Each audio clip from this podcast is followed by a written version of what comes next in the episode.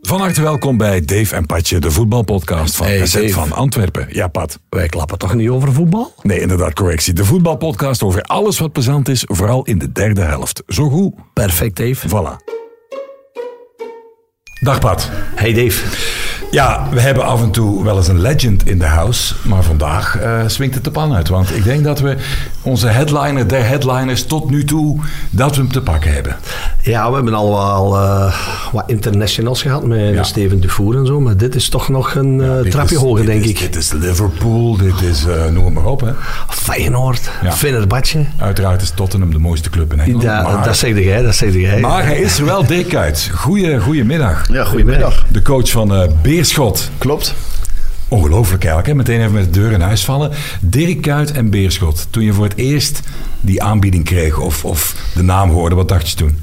Ja, interessant. Ik, ehm, nou, ik ben natuurlijk al een tijdje gestopt als voetballer. Eh, direct na mijn carrière eh, volledig gestort op het trainerschap. Eh, in Nederland heb je daarvoor ongeveer een cursus nodig eh, van vier jaar. Als je zeg maar als eh, oud-Nederlands elftal, als oud-international meer dan een aantal interlands gespeeld hebt, dan mag je een verkorte cursus doen. Dus ik had vier jaar nodig. Een aantal jaren de jeugd van Feyenoord gedaan. Ja, was destijds voorbestemd eh, om eh, ooit hoofdtrainer te worden van Feyenoord. Is iets anders gelopen. En toen eh, volle overgave de klus bij ADO aangegaan. En dat, ja, daar heb ik heel veel van geleerd. En dat ging niet zoals ik had gehoopt. Maar ja, achteraf denk ik dat me dat heel veel gebracht heeft qua ervaring. En dan ga je op zoek naar een nieuwe uitdaging. Er zijn veel mogelijkheden voorbij gekomen. Ehm, totdat Beerschot voorbij kwam. En het verhaal en de ambitie eh, mij enorm aansprak. Omdat ik eh, ja, inmiddels in een omgeving terecht ben gekomen waarin eh, ja, ik heel veel mensen om me heen zie die de, ja, dezelfde drijf en ambitie hebben als ik. Ehm, ook met bijvoorbeeld spelers die, ja, denk ik, eigenlijk op een hoger niveau thuis horen, maar ergens onderweg ja, net niet die stap nog hebben kunnen maken, maar heel graag zich willen bewijzen op het allerhoogste niveau. En dat wil ik ook als trainer. Dus eh, het voelde goed. En eh, de voorwaarden waren goed. En dat is voor mij het allerbelangrijkste om, eh, om het te kunnen ontwikkelen als trainer, maar natuurlijk ook als mens. Ja, wij kennen de details niet van je, van je verhaal bij, bij ADO. Was je misschien nog te veel voetballer? Wat liep er dan fout?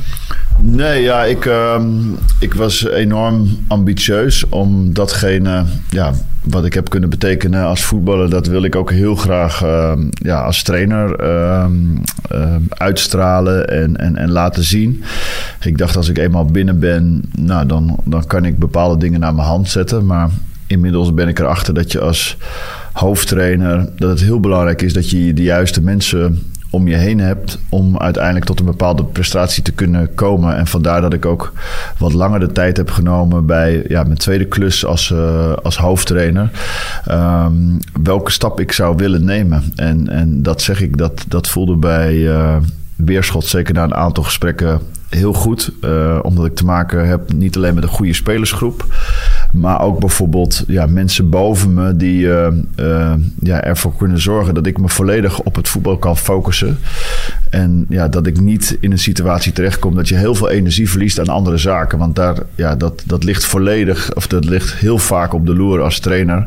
Je wordt verantwoordelijk gehouden voor de teamresultaten op het veld. Maar uiteindelijk ben je verantwoordelijk, of eh, word je vaak ook verantwoordelijk gehouden voor heel veel andere dingen. Maar dat is eigenlijk niet je taak. Zoals? Dat- nou ja, kijk, bij ADO had ik een situatie waarin ik eh, bijvoorbeeld eh, ja, zelf mijn eigen staf moest samenstellen. Dus dat niet alleen eh, aangeven welke mensen ik graag zou willen we- werken, maar ook de contracten uit onderhandelen. Ehm, er was op dat moment geen eh, technisch directeur.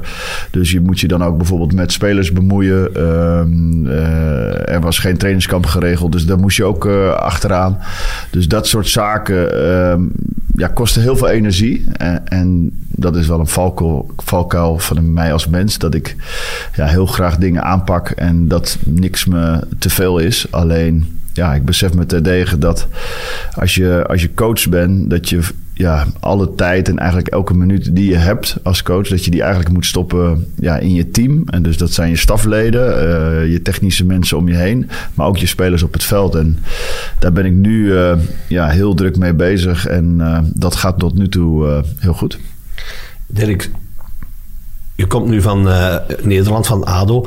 Zie je ook bij Beerschot, uh, je zegt juist van ja, die talenten die zich willen ontwikkelen, die misschien links of rechts een uh, verkeerde keuze gemaakt hebben.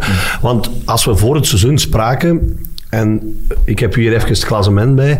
Als dan iemand uh, gezegd had van ja, Beerschot staat na 21 speeldagen op kop. Ik denk dat heel veel mensen u voor zot verklaard hadden. Waarom? Omdat ja, het was natuurlijk, uh, er was geen financiële mogelijkheden. Bijna allemaal spelers die gehuurd of... Uh, ik vind het eigenlijk een, een super knappe prestatie. Ik zie ook wel het klassement ziet er heel goed uit het programma oogt ook nog wel heel zwaar nog wel heel uh, wat, wat maar het ziet er wel heel goed uit. Had je dat, denk je dat die spelers allemaal uh, een, een, waarde gaan kunnen zijn in, uh, in 1A? In, nou ja, kijk, wat je, wat je dus zegt bevestigt eigenlijk ja, precies wat er aan de hand is. Dat, uh, dat we heel veel spelers hebben waarvan de massa eigenlijk zoiets heeft van ja, die hebben niet het niveau, zelfs niet van de top van 1B. Maar in potentie hadden ze eigenlijk, laten we zeggen, drie of vier of vijf jaar geleden, waren ze in potentie eigenlijk uh, ja, uh, gedoemd om veel hoger te spelen. Maar ergens is er iets verkeerd gegaan. Het zij door een blessure, het zij door een verkeerde keuze, het zij door pech. zo zit de wereld en het voetbal nou eenmaal in elkaar.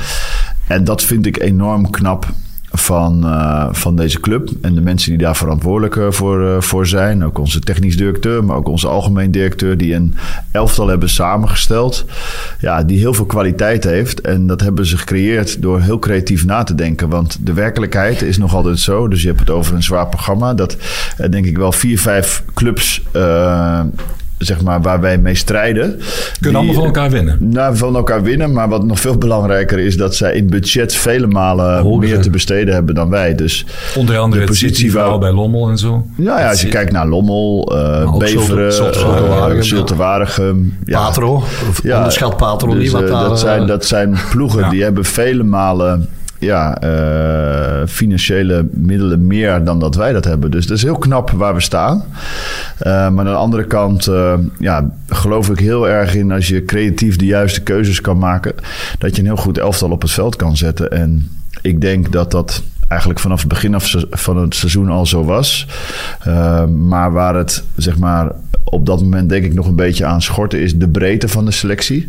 Nou ja, daar hebben we deze winterstop ook weer ja, uh, aan gewerkt ook op een hele creatieve manier. Dus het is niet zo dat er een geweldige financiële injectie is geweest. Er is wel een injectie geweest. Maar ja, nog steeds niet te vergelijken met clubs die ik, uh, die ik net noemde. Geef eens een voorbeeld van die creatieve manier. Hoe jullie dan die jongens op het spoor zijn gekomen en ze overtuigd hebben. Nou, het allerbelangrijkste is dat wij uh, nou ja, financieel ons niet kunnen meten met onze concurrenten. Uh, uh, zeg maar ook in deze competitie. Dus daar, daar moet je het niet van hebben. Maar het gaat puur om het verhaal wat wij uh, spelers kunnen bieden. Dus wij kunnen ze echt een platform geven. Als je kijkt naar hoe Beerschot dit seizoen gespeeld heeft. Een dominante ploeg uh, die vaak meer de bal heeft dan tegenstander. Veel schoten op doel, veel kansen creëert. veel mogelijkheden biedt tot scoren. Dus ja, wij kunnen ja, spelers letterlijk eigenlijk een etalage bieden. Om ze enerzijds zichzelf in de kijker te spelen. En in de toekomst een mooie stap te kunnen maken.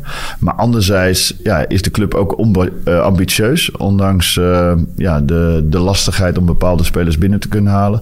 Om ook weer te promoveren. Dus dat zijn de ingrediënten die, die het aantrekkelijk maken voor, voor spelers om te komen. Zo ook ja, onze nieuwste aanwinst Robin. Ja. ja, die heeft eigenlijk andere mogelijkheden gehad waarin hij vele malen meer geld kon verdienen. Maar de ambitie die wij uitspreken, de manier hoe wij denken over voetbal, de manier hoe we willen spelen, dat sprak hem enorm aan, waardoor hij heel graag ja, een onderdeel wil zijn uh, ja, van deze selectie en deze club.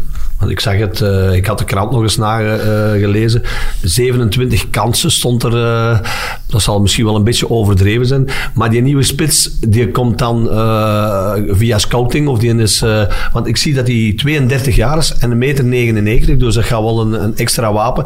Heeft hij op training al, uh, hij heeft al meegetraind? ja, vandaag zijn eerste training gehad. En, Kijk, uiteraard, ja, ja, hij heeft goede indruk achtergelaten. Okay. Maar dat, dat heeft bijvoorbeeld iemand als Sekou ook. En we hebben natuurlijk Charlie, ja, die, die keihard werkt voor het elftal. En waar we ook niet van moeten vergeten dat hij uh, nou, volgens mij de laatste vier, vijf wedstrijden vier, vijf goals gemaakt heeft. Dus timmeren goed aan de weg. En uh, ja, we, we, we, kijken heel creatief naar de mogelijkheden. En uh, kijk, als, we, als we Messi moeten scouten, dat is heel makkelijk. Maar als je in een ander budget moet gaan kijken om kwalitatief spelers binnen te halen, dat vereist wat meer werk. Dus ja, ook op dat gebied complimenten aan, aan de ja. club. We werken denk ik niet met een hele grote groep mensen om dit soort dingen voor elkaar te krijgen. Maar de mensen waar ik op dit moment mee samenwerk, uh, zijn echt mensen die keihard werken. Maar die ook uh, ja, kwaliteiten hebben op, uh, op hun vakgebied. Kunnen we even fly on the wall zijn? Wat kan je erover zeggen in, in de backstage, in de laatste etappe om zo'n Simovic binnen te halen? Waar jij ook in beeld komt, gesprekken met die jongen voert wellicht. Je bent een ervaringsdeskundige qua doelpuntjes ja. spreken. Je ziet het wel hoe iemand loopt, denkt, voelt. Hoe ging dat? Moest hij overtuigd worden? Nou, de Robin is wel een hele serieuze, ervaren jongen. En uh, nou, als je kijkt naar zijn cv, uh, heeft hij uh, veel van de wereld gezien. in veel werelddelen gespeeld. Dus het is niet een jongen die zomaar zegt van nou kom je wel even voetballen. Dus die heeft ook vragen. En wij hebben uiteraard ook vragen aan hem.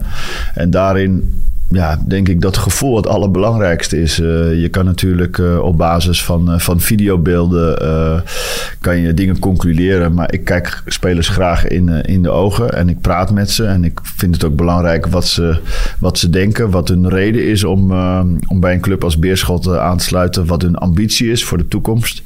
Ja, en daarin krijg je een juiste gevoel of niet. En met Robin was dat eigenlijk, nou, de eerste keer dat ik hem gesproken heb, was dat eigenlijk gelijk een heel uh, goed gevoel. Uh, is een, uh, is een goede, goede prof ook. En ja, daarin zijn bepaalde dingen belangrijk waarin je ja, de, de klik voelt van hey, dit is een jongen die niet alleen bij mij past als trainer, maar het is nog veel belangrijker dat hij bij de groep past ja. die we hebben. Want ja, dat is wel onze grootste kwaliteit, die groep. Dus, dus elk schakeltje wat erbij komt, moet goed zijn. Want ja, het, het moet niet zo zijn dat het de groep op een negatieve manier beïnvloedt. Maar zoals ik al zei, een ervaren jongen.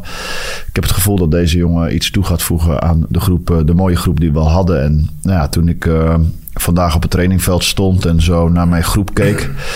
Uh, ik weet nog goed dat ik 3 januari begon, waarin we toch wel veel met jeugdspelers uh, werkten om de groep maar aan te vullen. Uh, en nu ja, staat er echt wel een hele volwassen groep. Um, en we hebben ook een aantal jonge honden, zoals ze dat in Nederland zeggen, uit de jeugd die klaarstaan en op de deur trappelen om, ja, om ook een graantje mee te pikken. En ja, daar ben ik ook wel van om die jongens de kans te geven. En dat past ook wel weer bij een club ja. Als, als Beerschot.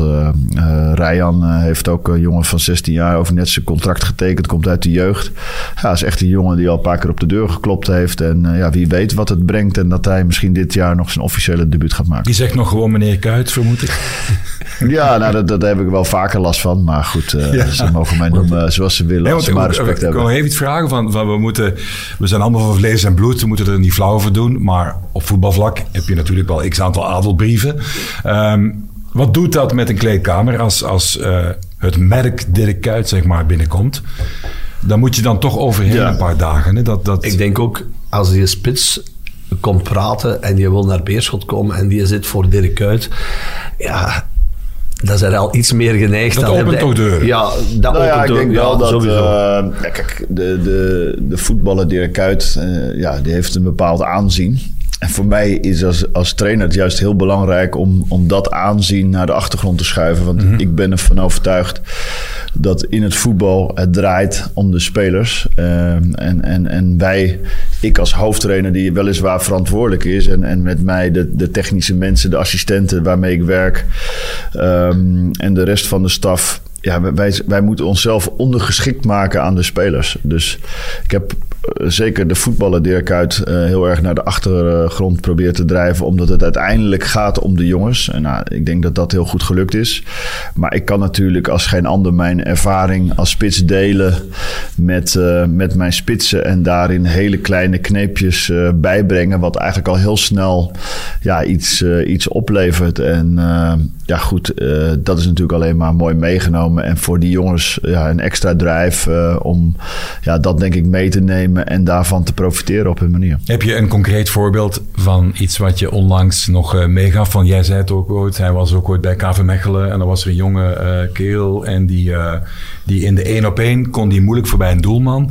En dan had hij het over de lengte van je sleep wat langer te maken, omdat een keeper een rijkwijde heeft die minder lang zou zijn, dat soort dingen. Hoe, hoe ver in detail ga je met jouw spits? Wat heb je al gezegd bijvoorbeeld? Nou ja, ik, ik vond dat onze voorwaarts zeg maar heel we, zijn natuurlijk, we hebben een aantal hele creatieve jongens voorin. Uh, Tom en Thibaut bijvoorbeeld. Uh, maar ook een hele sterke, energieke Charlie en, en Sekou is daar nu bij gekomen. En de jongens willen heel graag uh, natuurlijk scoren. Maar ik vond dat ze dat iets te druistig deden. En met name zag ik ze vaak ook met hun vreef afwerken. Dus we hebben heel veel gewerkt aan positionering. Maar ook het afwerken met de binnenkant voet. Ik denk als je kijkt naar de topspitsen in Europa, die werken allemaal af met, uh, met hun binnenkant voet. En nou ja, als je logisch nadenkt, als je nou ja, naar je vreef kijkt, dan is dat, nou ja, ik doe nu aanwijzen, maar een klein stukje. Sommigen hebben een brede vreef, laten we zeggen maximaal 15 centimeter. Maar de binnenkant van je voet hebben natuurlijk een veel groter vlak om de bal te kunnen plaatsen. En vaak denken spelers dat ze, als ze met een binnenkant voet schieten, dat ze ja, zachter kunnen schieten. Maar vaak is door zuiver te schieten, schiet je nog harder. Ja, bijvoorbeeld ja, de absolute top als je kijkt naar Messi, hoe makkelijk hij scoort en ook heel vaak scoort met binnenkant voet buiten de 16 meter. Dan is dat iets wat ik uh, ja, de jongens uh, meegeef, maar ook uh, ja, veel in trainingen met afwerkvormen vanuit posities laten afwerken waar je ook daadwerkelijk tot afwerken komt. heel vaak zie je op trainingen jongens afwerken van 20 meter op de goal, maar hoe vaak kom je daar in een wedstrijd en hoe vaak wordt er van de afstand van 20 meter gescoord? ik denk dat van een meter of 11, 12, ja, dat daar de meeste ballen worden geschoten. En moet je ook zorgen dat je trainingssituaties creëert waarin jongens uh, daar ook de mogelijkheden krijgen. En nou, zoals, zoals Thibaut en Tom komen vaak van buiten naar binnen. Ja, dan moet je zorgen dat je daar iets mee doet. En op het moment dat ze dan hun mannetje passeren en je leert ze ook nog met de binnenkant voet de overtuiging te hebben dat ze um, in de hoek kunnen plaatsen en dan ook nog het succesgevoel kunnen geven door op de training goals te maken. Ja, en als dat er dan uitkomt in een wedstrijd, zoals bijvoorbeeld, nou goed, afgelopen weekend kwam Thibaut naar binnen, kon de keeper hem nog net tegenhouden, maar Tom pakte hem in de rebound. Ja, dan zie je daar wel een bepaalde progressie en uh, ja, dat is mooi dat je daar uh, met de jongens aan kan werken. Goede workshop. Ja, inderdaad. Spitsen onder elkaar. Ja, ik vind, ik vind uh, uh, spitsentrainer is nog altijd... Uh, in Nederland zijn, staan ze daar al verder mee. In België is dat heel lang een onbesproken blad geweest. Hè. Spitsentrainer, dat was... Ik had een keepertrainer en... Ze hebben Luc Niels een paar keer... Ja, hij heeft zo wat... Maar ik vind het ook wel heel belangrijk. nu, de laatste weken zie ik ook wel... Ik wil even terugkomen. Jonge spelers, eh, zei je daarnet. Is het ook niet dat uh, uit de Nederlandse school dat het iets makkelijker is, dat jullie iets makkelijker jonge uh, spelers durven brengen dan anderen? ik zie het bijvoorbeeld, ja. ik, ik, volg ook heel veel de wedstrijden van Antwerpen. Ik zie dat Van Bommel daar ook totaal geen moeite mee heeft om uh, een gast van 16, 17 jaar uh, zijn kans te geven. Uh. Goed genoeg is goed genoeg, hè? Zeg ja, nee, dat, ik, ik wilde eigenlijk zeg maar naar de woorden van Louis Vergaal. Je bent nooit te oud of te jong om te spelen. Dus als je goed genoeg bent, ben je goed genoeg. En ja, wij in Nederland zijn op die manier opgegroeid dat we, denk ik, ook een bepaalde kwaliteit erkennen. Um, en dat we ook heel goed in kunnen schatten dat een talent uh, wanneer we hem brengen, misschien nog niet goed genoeg is. Maar vooral het nog niet goed genoeg. En, en vaak zijn er heel veel mensen in de wereld die zeggen: hij is niet goed genoeg. Maar door een talent drie of vier wedstrijden te spelen, dat gevoel te geven hoe het is om op een hoog niveau, onder een hoge intensiteit, te kunnen spelen. Dan zie je dat een speler al heel snel uh, stappen maakt. En ja, een heel mooi voorbeeld was een paar jaar geleden dat Geert Ruiden op de rechtsbackpositie noodgedwongen bij Feyenoord moest spelen. Daardoor tien wedstrijden onder advocaat speelde. En door die tien wedstrijden ja, zoveel ervaring opdeed. Dat hij eigenlijk een ja, versnelde opleidingscursus heeft gekregen. En nu ja, Nederlands elftalspeler is. En in de belangstelling staat van uh, vele Europese topclubs. Dus ja, ik, ik, ik hou ervan om talenten uh, herkennen. En, en dan ook gewoon uh, ja, op te stellen. Dus voor mij speelt leeftijd nooit een rol. Maar net zo goed aan de uh, zeg maar, uh, aan de jonge kant. Ook, maar ook aan de ja, oudere oudere kant. spelers Ja, zijn nooit oud genoeg om te spelen. Het gaat om uh, ja, wat je presteert op het veld. Veld, ja. En als ze ze een fout maken om ze te laten staan. Hè? Want ik denk dat, dat uh, als je toen wij, dus toen ik jong was. En je keek naar uh, voetbal in Holland, dan Ajax was de, het voorbeeld eigenlijk. Hè? De jonge Bergkamp, uh, ik herinner me Brian Roy, uh, Van Basten, noem ze allemaal maar op. Die werden gewoon in de basis gedropt en die, die brachten het dan ook als een keertje minder was. Bleef ze wel het vertrouwen behouden. En dat was hier soms wel eens anders. Hè? Ja, omdat nu... Soms was het alleen noodgedwongen. Ja. Als er... Uh, Nou, dat is, de, dat is dat bedoel, kijk, Ajax is, is een schoolvoorbeeld van het brengen van talent en het durven eh, brengen van talent. En ook ruimte creëren om t- t- talent zichzelf te kunnen ontwikkelen. Want vaak is het zo ja, dat clubs uh, heel erg afhankelijk zijn van resultaat. En er moet altijd resultaat gehaald worden. Ja, en als we dan een talentvolle linksbuiten hebben, ja, dan halen we toch nog maar even een ervaren linksbuiten, waardoor het talent geblokkeerd wordt. En Ajax, per definitie, is denk ik het voorbeeld om gewoon ook talent de, de ruimte te geven. Kijk, en, en voetbal is en blijft een spel van fouten. En uh, dat hebben wij bijvoorbeeld ook in ons spel met Beerschot. We spelen denk ik heel aanvallend voetbal. Durven, we zijn heel gedurfd om van achteruit op te bouwen. Zelfs als de tegenstander ons hoog onder druk wil zetten, dan ja, raken wij niet van slag en bouwen we op. Dat houdt in dat je soms wel eens een foutje maakt. Nou, en als je geluk hebt, uh, dan pakt uh, daarvoor de ballen. En als je pech hebt, dan zit hij er een keer in.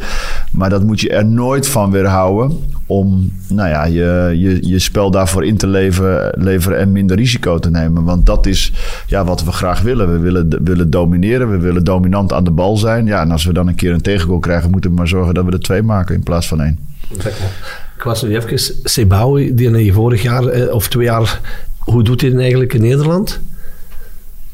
He, want ja, dat was eigenlijk hier, maar dat was een toptalent. En dat was hier, die, die, die speelde hier vier, vijf matchen en iedereen dacht... Heel België wilde hem hebben. Ja, ja en, dan, uh, en dan, nu zit hij in Nederland in uh, Dordrecht. Dordrecht ja. ja. ja. Hij is nog steeds een enorm talent. Alleen, kijk, Feyenoord is natuurlijk ook enorm gegroeid de afgelopen twee jaar. Ja, dus kijk, dat is natuurlijk altijd de lastigheid. Zoals met Ajax uh, vier, vijf jaar geleden, waarin ze echt ook in de top van, uh, van de Champions League acteerden.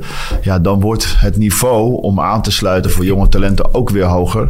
Ja, en dat is met deze jongen een beetje precies hetzelfde het geval. Kijk, Feyenoord is vorig jaar kampioen geworden, speelt in Europa, Champions League. Aankomende donderdag spelen ze weer tegen AS Roma. Ja, dat niveau is gewoon nog net even te hoog voor hem. Maar om ja, bij Dordrecht in de top van de KKD te spelen, ja, daarin ontwikkelt zo'n jongen zichzelf uh, wel. En uh, voor mij is het nog steeds een enorm talent. En ieder talent ja, die, die bewandelt zijn eigen pad. Ja, en soms ja. is het helemaal niet slecht om eventjes weer iets terug te vallen. Om de, van daaruit een fundament te creëren en weer omhoog te gaan. Ja. Heeft het ook soms te maken, denk je, met volksaard? Want in, in Holland is het zelfvertrouwen, het zelfvertrouwen in spelers ligt vaak wat, wat hoger. Gewoon de durf om die jongens uh, te brengen. Ik herinner me de generatie onlangs nog eigenlijk, een paar jaar geleden. Frenkie de Jong, Matthijs de Ligt, Ajax die concurreren met de grootheden in Europa vanuit een klein landje. Dat is eigenlijk ongezien, hè? Ja. Met het geloof in eigen jeugd en kunnen. Dus ja. dat kan absoluut. Heeft dat iets te maken, denk je, met het verschil Holland-België qua mentaliteit, qua aard? Ja, ik denk dat de mentaliteit in België wel anders is. Ik ben hier natuurlijk nu anderhalf maand. Maar uh, ja, het bevalt mij, de, de Belgische mentaliteit bevalt mij uitstekend. Uh, en ik denk dat we in België ook ertoe in staat kunnen zijn om ja, eens in de zoveel jaar Europa te verrassen. Uh, maar het gaat om op welke manier wil je spelen. Op welke manier creëer je ruimte om talenten zichzelf te kunnen laten ontplooien. En heb je die durf en lef om op een bepaalde manier te spelen. En ook als het een keertje misgaat, om dat gewoon te blijven herhalen. En ja, het is een utopie uh, om te denken dat je in het voetbal binnen een paar wedstrijden resultaat kan boeken. Dan gaat ja, jarenlange uh, trainingen en, en, en, en, een visie en ambitie vaak aan, aan vooraf. En in het geval van Ajax zie je structureel dat ze eens in de zoveel tijd ja, die top kunnen aantikken door heel creatief te zijn, door talenten uh, een kans te geven. En ja, je ziet dan eens in de zoveel tijd komt er dan weer een groepje toptalenten en die kunnen het niveau dan ook aan. En ik denk ook ja, dat België uh, daar in staat toe zou kunnen zijn uh, om, om, dat, om dat te creëren. Volgens mij ja, was Standaard Luik nog niet zo heel lang geleden. Tikte ook een bepaald niveau aan in Europa. En had je Die ken jij nog, hè? Ja, Last minute uh, winner, denk ik, met Liverpool. Ja, ja, ja dat, was een, uh, dat was een dure goal die Wat maakte. een wedstrijd, ja, ongelooflijk. Maar dat was een periode ook waarin, uh, ik denk, jongens als De Voer, Witzel, Fellaini...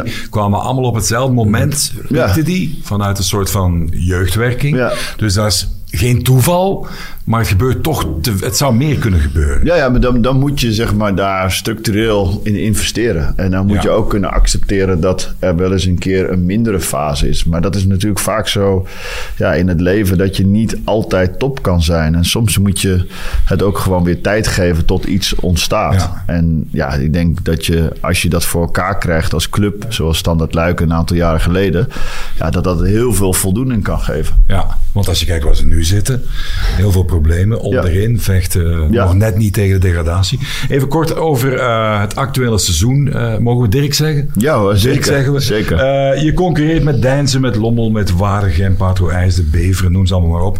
Dender van Timmy Simons doet het ook verrassend goed eigenlijk. Goede coach.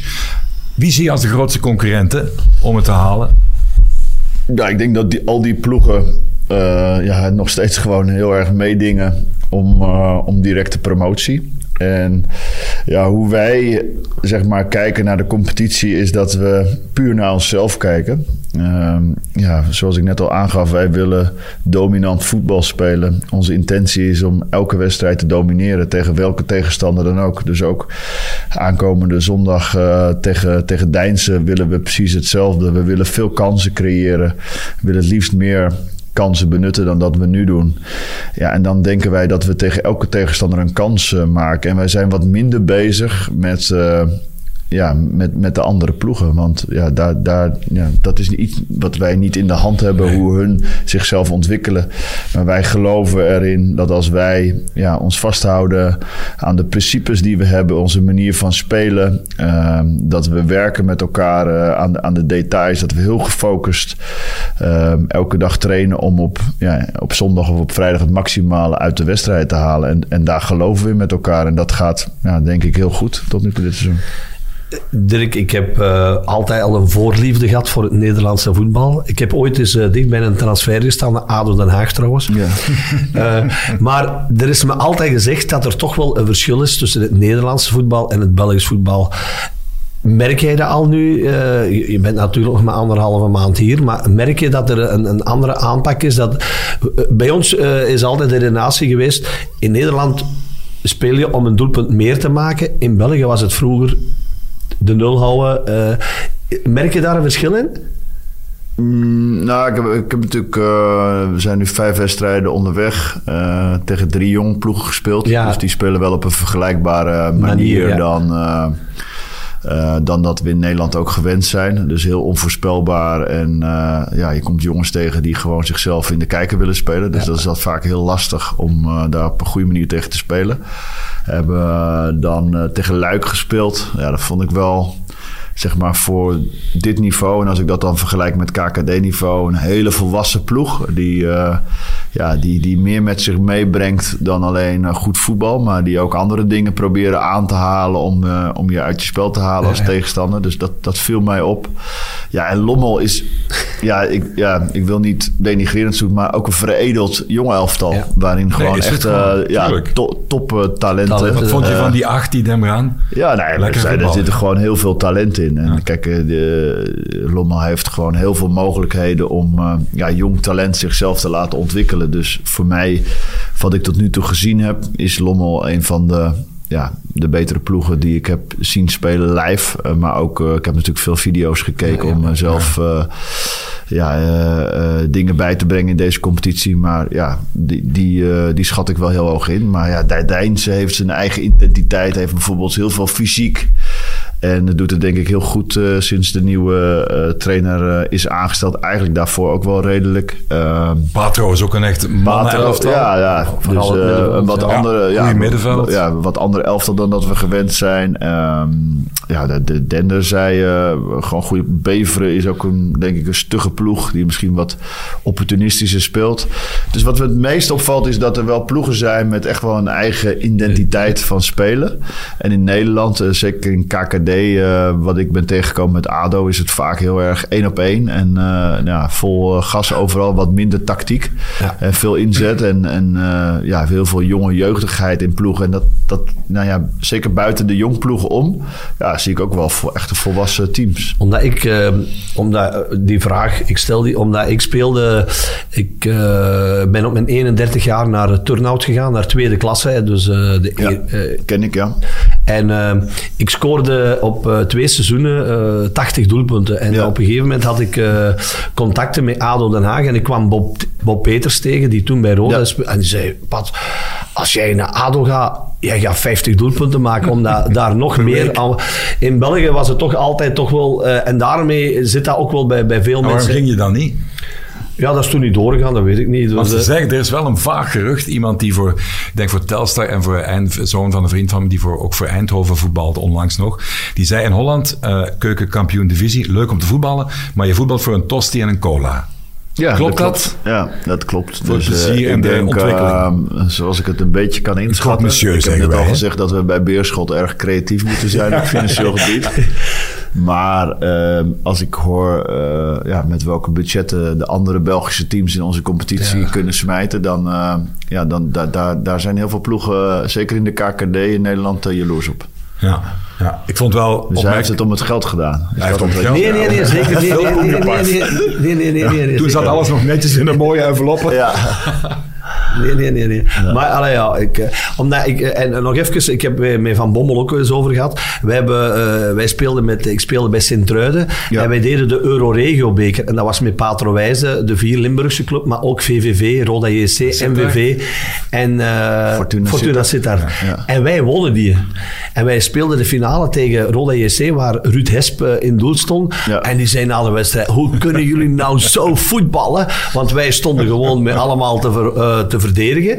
Ik bleef alleen vooraan. Ja. En ja, wij wonnen met 3-0. En ja, dat was heel raar, omdat hij zei, ja, dat is toch geen voetbal, maar dat is een andere mentaliteit. Die, ja. die, die, die, allee, waar ik nu over klap, ik denk dat dat ook wel heel al uh, wat veranderd is in het Belgisch voetbal. Hè. Dus, uh, ja, maar dat is ook, volgens mij is dat ook gewoon puur die aard van ja, erin geloven en meer uh, in Amsterdam zeggen ze gochme of... of ja, zelfvertrouwen gewoon, denk ik, mentaliteit. En dan durf je het ook meer en dan komt het ook meer uit, want je krijgt meer kansen.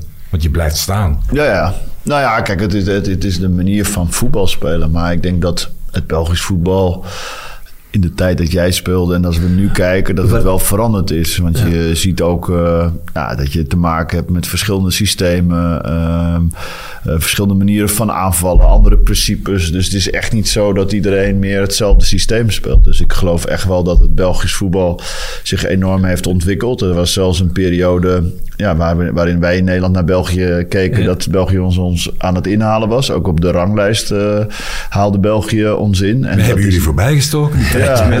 Dus en dat is maar. nu weer een beetje voorbij, moet ik eerlijk zeggen. Maar ja, nou ja, het Belgisch voetbal uh, ja, is, is gewoon prima wat mij betreft. Want ik, had hier, ik heb dus hier ook gespeeld en ik heb hier samen met uh, Simon Taamata gespeeld. Ja, Ton Blanker. Uh, ton, ton Blanker, Kate, Kate Meesveld, Peter Eikelboom. maar wij hadden het eerste jaar dat ik hier was, hadden wij Barry Hughes als trainer. En ik herinner me nog dat Simon, wij, hij kwam hier als trainer en hij speelde echt zoals hij in Nederland gewend was. En de eerste wedstrijd gingen wij op Lokeren spelen. En ja, 4-0 op ons doos. Hè. Dus, wij, dus hij heeft dan nadien ook wel wat moeten aanpassen om het tactisch allemaal een beetje... Omdat hij was ook wel gewend van het uh, offensiever te spelen Ja. dan dat het hier in België toen gespeeld werd. Ik denk ook wel dat het nu Ja. wel eh, Ja. anders is. Ik moet altijd oppassen als ik met iemand van de Noorderburen praat, dat ik zelf niet, want roots liggen er ook een beetje. Ik moet toch Ja. een beetje proberen Belgisch te blijven Ja, ja. praten. Vlaams. Gaat hè. nog goed. Het gaat nog goed. Dirk, eh, heb jij de generatie nog, nog, dat heb jij ook nog meegemaakt, hè, dat jullie echt de, de Belgen haten voor het defensieve voetbal? Van jullie 20 kansen, wij één countertje en dan wonnen we. Dat is op WK's ook ooit gebeurd. Hè? Dat, dat zat toch enorm hoog in die tijd in Holland. Hè? Ja, maar Niet? die periode heb ik niet echt meegemaakt. Maar als, als, Eh, als, kijk, als kind, misschien als tiener kijkend.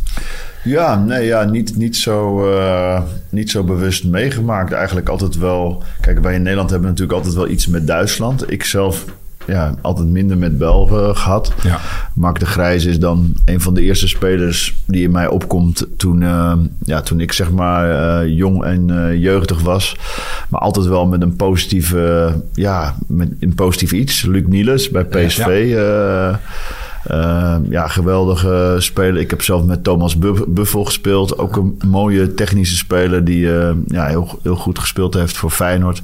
Dus ik heb niet echt dat, dat, dat negatieve. En, en zeker ook later in mijn carrière als voetballer kwam het Belgisch voetbal natuurlijk enorm op. Met jongens als Verleini, eh, Kevin de Bruyne, eh, de Voer, andere jongens. Dus ja, nee, ik ben niet zo negatief over het Belgisch. Nee, dat is wel, want ik had er onlangs nog een gesprek over. Dat is wel, hè, vanuit Holland ligt de focus nou, qua rivaliteit veel meer naar de Ja. Oosterbuur, naar Duitsland. Ja. Waar dan misschien Duitsland voor jullie is Holland voor heel veel Belgen. Ja, In die zin.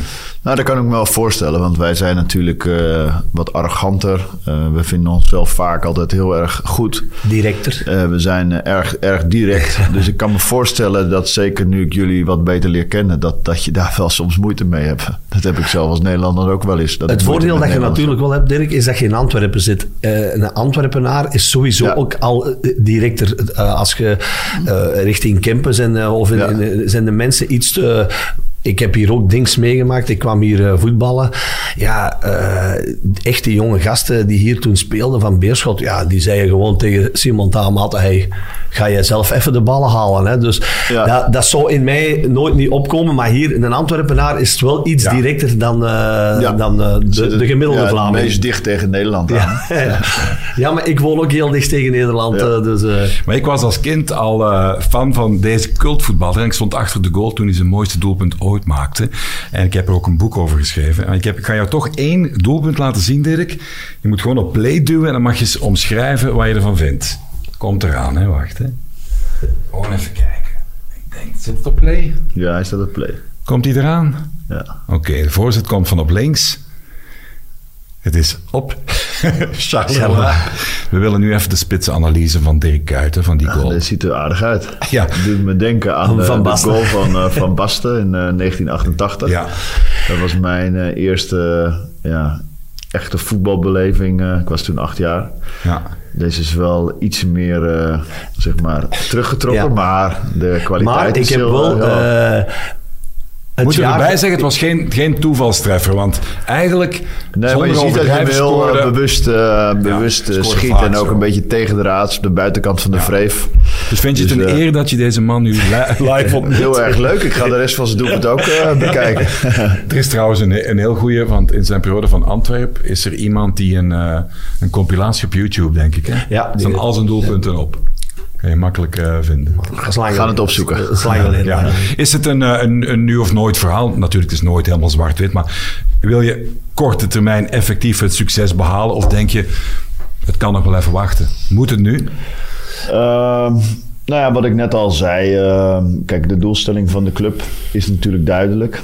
Ehm, de realiteit is dat er eh, gewoon heel veel clubs eh, om ons heen zitten die hetzelfde willen. Eh, die financieel daadkrachtiger zijn. Alleen, ja, het is gewoon een feit dat ik heel tevreden ben met de ploeg die we hebben. En dat ik mijn ploeg voor geen enkel ander team zou willen ruilen. Ehm, en wij kijken gewoon week per week ehm, wat wij kunnen doen. Dus de eerstvolgende wedstrijd is voor mij Deinzen. En het mogen duidelijk zijn dat mijn intentie is om, ehm, om hier voor een langere termijn te zijn. Alleen daarin zijn de voorwaarden weer heel erg belangrijk. Dus dat was mijn insteek om ehm, ja, gewoon voor een half seizoen te tekenen. Om voor mezelf te kijken van hey, de voorwaarden die we met elkaar afspreken, zijn die goed? En is er ook weer een voorwaarde om met elkaar door te gaan? Aan de andere kant geeft de club ook de ruimte om mij te leren kennen. En zijn zij uh, tevreden met wat ik naar hun toe breng? En uh, ja, ik heb de intentie om hier langer te blijven. Ik heb de intentie om het op de korte termijn zo goed mogelijk te doen. Lukt het, zou het fantastisch zijn. Lukt het niet, denk ik dat ja, Beerschot zoveel mogelijkheden heeft, zoveel potentie. Het is natuurlijk een fantastische een club. ja, een traditieclub. Ja. Waarin nog heel veel dingen ja, uh, zeg maar, uh, te verbeteren zijn. En dat er uh, ja, heel veel mogelijkheden hier zitten. Dus ja, ook, ook voor de lange termijn ben ik positief. Maar ja, nogmaals, ik focus me nu eerst op, uh, op dit seizoen. En uh, wanneer dat ten einde is, gaan we kijken ja, wat, wat erin zit voor de lange termijn. Maar ik, ja, uh, tot dusver bevalt mij het hier uitstekend. Ik vind echt een geweldige club. mooie, ja, mooie historische club. De, de, de, fans zijn denk ik geweldig. Spreekt me ook enorm aan. Doet me heel erg denken aan clubs zoals Utrecht en Feyenoord in, in, in Nederland. Ja, en hoe mooi zou het zijn om deze club niet alleen voor de korte termijn, maar ook voor de lange termijn daar weer terug te brengen daar waar thuis hoort, denk ik. De levenskwaliteit in, uh, in België, want ik vermoed dat je uh, in ons land ook een ja. stekkie hebt ergens. Ja. Hoe bevalt het? Ja, heel goed. Kom je buiten? Uh, Doe je dingen? Ja, nee, zeker, zeker. Ik denk dat het... kijk, het, het leven van een trainer is gewoon heel erg hard werken. Dus uh, Dirk, mijn assistent, uh, is even meegekomen om de podcast te luisteren. Maar uh, ja, wij gaan s morgens om zeven uur sta ik op. Hij al iets eerder. En dan om ja, tien voor half acht, vijf voor half acht gaan we richting de club. Dan zijn we acht uur op de club. En meestal ja, zijn we een uurtje of vier, vijf klaar. En dan ga ik straks naar huis en dan ga ik weer wat beelden bekijken. En dan hebben we s'avonds nog contact. Dus je bent zeker in het begin van de week, ja, ben je wel acht tot tien uur, ben je zeker, nou laten we zeggen, zeker tien uur per dag ben gewoon met je vak bezig.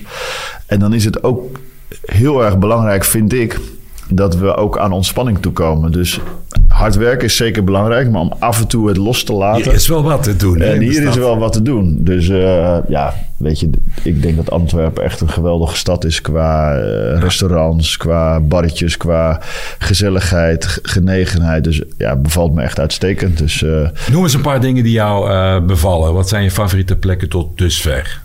Uh, als ik Zuid zeg, is dat... Ja, okay, ja, ja Zuid bevalt me wel. Uh, wij wonen zelf op het, uh, op het eilandje. Ah, ja. dat is ook een hele leuke buurt. Maar ik vind vooral gewoon ja, de gemoedelijkheid van de stad... Uh, ja, vind ik heel fijn. Dus uh, ben natuurlijk al in wat restaurantjes geweest. Maar de manier hoe je wordt behandeld, hoe je nou ja, dan een avondje uit mee mag maken als je uit eten gaat. Uh, ja, door, de, door, de, door de mensen in de restaurants, maar ook als je een keer wat gaat drinken. Het is een iets andere benadering dat ik ja, in Nederland gewend ben. En die benadering hier, die bevalt me een stuk meer beter dan in Nederland. Ik vind, ook, ik vind het ook tof dat er met zegt, we hebben ook een drietal maanden geleden Karel Hoefs ge, uh, gehad. Ja, vroeger, als ik zelf voetballen, dan dachten wij een trainer, oké, okay, die bereidt zijn training voor. En ja, dan ging je ook nadien naar huis.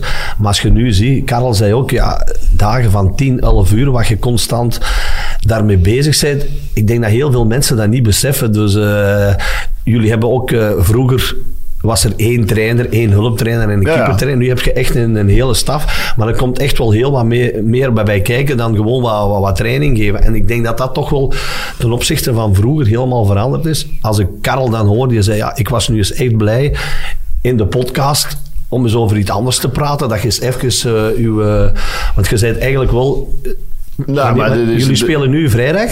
Zondag. Zondag, dus je bent eigenlijk al ja, ja. in volle voorbereiding aan, naar die wedstrijd. Ja, nee, kijk, wij, uh, ja, wij komen... Uh, wij zijn meestal iets voor acht op de club. Om tien uur komen de jongens ontbijten. En dan hebben wij met de staf eigenlijk al twee uur vergaderd over alleen al de manier hoe we willen trainen. trainen. Omdat je het voor de jongens zo makkelijk mogelijk wil maken. En dat je ja, tactisch zo goed mogelijk voorbereid wil zijn. Eh, op de volgende tegenstander. Kijk, en vroeger had je dat allemaal niet met uh, videobeelden, uh, tactieken, et cetera. Je zegt zelf net al van, ja, wij speelden met, met negen man achter de bal en één en misschien twee voorop. en nou, dan schoot ik hem erin en we wonnen de wedstrijd. Ja, en nu, tegenstanders kunnen ons analyseren. tegenstanders verwachten iets van ons, willen ons op een bepaalde manier onder druk zetten. Wij willen iets van de tegenstander. Ja, dat vraagt gewoon heel veel van je. En je moet niet 13, 14 jongens managen, maar 24. Uh, nou, dan heb je ook nog jeugdspelers erbij. Er moeten ook nog jongens met de, met de jeugdteams meedoen. Er komt gewoon superveel bij kijken. Ja, en je wil het gewoon zo goed mogelijk doen uh, voor de jongens. Er is wel iets wat ik me afvraag van... Je was een spits, ja, spits ben je voor het leven. Dat ben je nog altijd wel in zekere zin in het hoofd. Um, ja, jongens die voetballen, die willen op training, rondootjes, leuke dingen doen, afwerkingsoefeningen. Hoe ga je om met, met de, de saaiere dingen van het training geven? Want soms is het gewoon hard werk. Eh, lopen, fysieke dingen, minder leuke oefeningen. Nou, ik vind een, uh, een training uh, vind ik zeker uh, niet saai. Omdat je er het maximale in wil stoppen. En je wil ook, zeg maar, als je een training voorbereidt... wil je daar een tactisch element, element vaak in stoppen. Maar je wil ook dat de spelers het als een fijne ervaring uh, aanschouwen. Dus een speler moet aan het einde van de training het gevoel hebben van... hé, hey, ik heb lekker getraind. En als hij het veld op komt lopen, moet je hem het gevoel geven... hé, hey, ik ga hier lekker trainen. En als jij ja, tactisch 11 tegen 11 gaat trainen... En, en, de jongens lopen of wandelen de helft van de training... of moeten de helft van de training naar de trainer luisteren... ja, dan krijgen zij niet ja, dat, dat gevoel dat ze gewoon een goede training hebben gehad. Maar het, juiste is om onbewust veel tactiek te, te doen... zonder dat de jongens dat, tactisch ervaren. Ja jij een strenge Ik wil niet. Ben jij een strenge trainer? Omdat ik, ga, ik denk het wel. Ik, ik, denk het wel. ik stel de vraag omdat uh, we hebben nog een gast en die, die was gaan we er zo meteen bij halen. Die was vorig jaar uh, bij ons. Uh, ik ben ook trainer van een, een, een caféploeg. Ja. En dan moest ik donderdagavond ging ik de kleedkamers kuisen en dan hoorde ik op het veld de trainer bezig. En ik moest zeggen, hij kon wel soms wel eens echt, hij kon echt iedereen wel scherp. Dessel was uh, ten dode opgeschreven vorig jaar en heeft ze bijna nog kampioen gemaakt. Met de voet vooruit. Ja. Inderdaad. Dus Goed, we gaan hem erbij halen. Stijn Vreven is binnengekomen. Kom maar bij, Stijn. Wij gaan hier uh, plaats maken. Stijn Vreven, waarom Stijn Vreven? Natuurlijk omdat we die alles al langer hadden moeten vragen. En omdat Stijn natuurlijk uh, een oud ploegmaat is van Dirk Kuyt. Bij, bij Utrecht. Uh, jij zat er al een jaar. En toen kwam uh, Stijn erbij, want we hebben alles nog eens herbekeken. Hoe lang is het geleden dat jullie elkaar gezien hebben? Volgens mij uh, was dat mijn afscheidswedstrijd. Klopt. Dus dat is uh, 2018, 19 zo'n beetje. Ja. Tijd vliegt, hè? Ja. Jouw, jouw eerste herinnering daar, welkom trouwens. Dank je. Was een lekkere rit van uh, oh, Het was een lange rit. Het was een lange rit. Wat ze, zit je op de vloek op je waist? Ja, zeker als je hier op tijd moet zijn, eh, dan ja. is dat heel vervelend. Rood gepakt onderweg? Nee, toch niet. Nee. Niet tijdens voor mij. Nee. Ja, jouw eerste ontmoetingen met, met Dirk, die jong ontluikend talent was. Jij was ja, al iets ervarener, denk ik. Ja. Hoe was dat? Uh, ja, het beeld van wat ik van Dirk heb toen hij aankwam eh, bij Utrecht, uh, of dat ik hem voor de eerste keer zag, was een ontluisterende jongen. Een hele nuchtere jongen uit, uit, uit Katwijk, uh, waar eigenlijk een nieuwe wereld voor open ging ja, die bij de grote jongens, uh, uh, in de grote jongenskleedkamer terecht kwam, uh, maar die ogen en oren altijd heeft, heeft opengezet, altijd dingen oppikte en waarschijnlijk heel goed kon filteren wat, van wat die kon ja. gebruiken en wat eigenlijk, want het was in die tijd wel een, een serieuze kleedkamer bij Utrecht, kan ik me herinneren, want ik denk dat 90%, en dat is toch wel ongezien in het voetbal, ik denk 90% van onze kleedkamer toen is ook in het voetbal gebleven. Zijn allemaal trainers geworden of technisch directeurs of uh, videoanalisten. Dus dat, dat zegt wel veel over de persoonlijkheid in die tijd. Uh, maar hij was enorm leergierig. Uh, had natuurlijk ook kwaliteit. Werd toen een beetje onderschat, vond ik. Hè, want het was altijd de harde werker. we waren beide harde werkers, maar Dirk was meer dan een harde werker. Alleen hij had een ongelooflijke goede basistechniek, vond ik. En voor mij is hij achteraf dan is dat gebleken, want dat wist ik op dat moment absoluut nog niet. Hè, want hij is wel een, wereldspeler geworden hè, met zijn carrière. Maar hij is wel het prototype voor mij uh, van een speler die meegroeit met het niveau waar hij terecht komt. Hè, want toen hij, toen hij bij Utrecht zat, dacht ik wel dat hij nog een stap kon maken. Toen hij naar Feyenoord ging, bleek ook dat hij nog een stap kon maken. En hij is altijd die, die stappen blijven maken. Dus hij heeft zich altijd aangepast aan het niveau van zijn collega's. En dat is echt wel een enorme, enorme troef. Wat een lof, jongen. We gaan heilig, we gaan heilig verklaren. Spreek eens even ongefilterd, Dirk, over die kleedkamer van Utrecht in de prille beginnen. Mannenzweet, testosteron. Jij komt daar binnen. Je ziet al die kleerkasten. Hoe was dat? Ja, dat was voor mij natuurlijk uh, wel wennen, want ik was uh, net 18 en toen, ja, toen had ik, ik had zeg maar uh, een contract in het begin gekregen voor het tweede elftal van Utrecht. En door blessures mocht ik dan met het eerste elftal meedoen. Ik scoorde een goal, dus ik mocht blijven.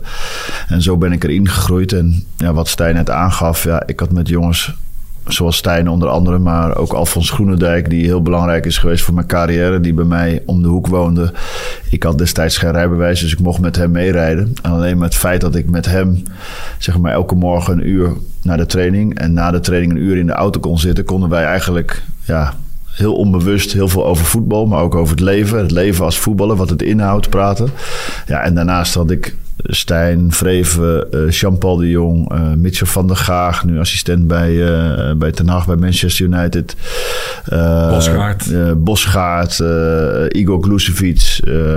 ja, weet je, gewoon heel veel ervaren jongens om me heen. Dus datgene ja, waar wij trainers denk ik nu vaak uh, behoefte aan hebben. Is aan, aan ervaren jongens die jonge jongens bij de hand kunnen nemen. Wat eigenlijk nu heel anders is geworden, die mentaliteit. Ja, ik, als, ik, als ik niet luisterde, dan, uh, dan lag ik over de, de vangrail zeg maar, bij de training. En ik kan me nog herinneren dat, ja, dat ik een paar dagen bij uh, Jong Oranje was geweest. Dus ik, ik was vol vertrouwen teruggekomen. En ik kwam op de training en ik dacht, nou, ik ga nu coachen. Want ja, dat werd voor me gevraagd bij Jong Oranje.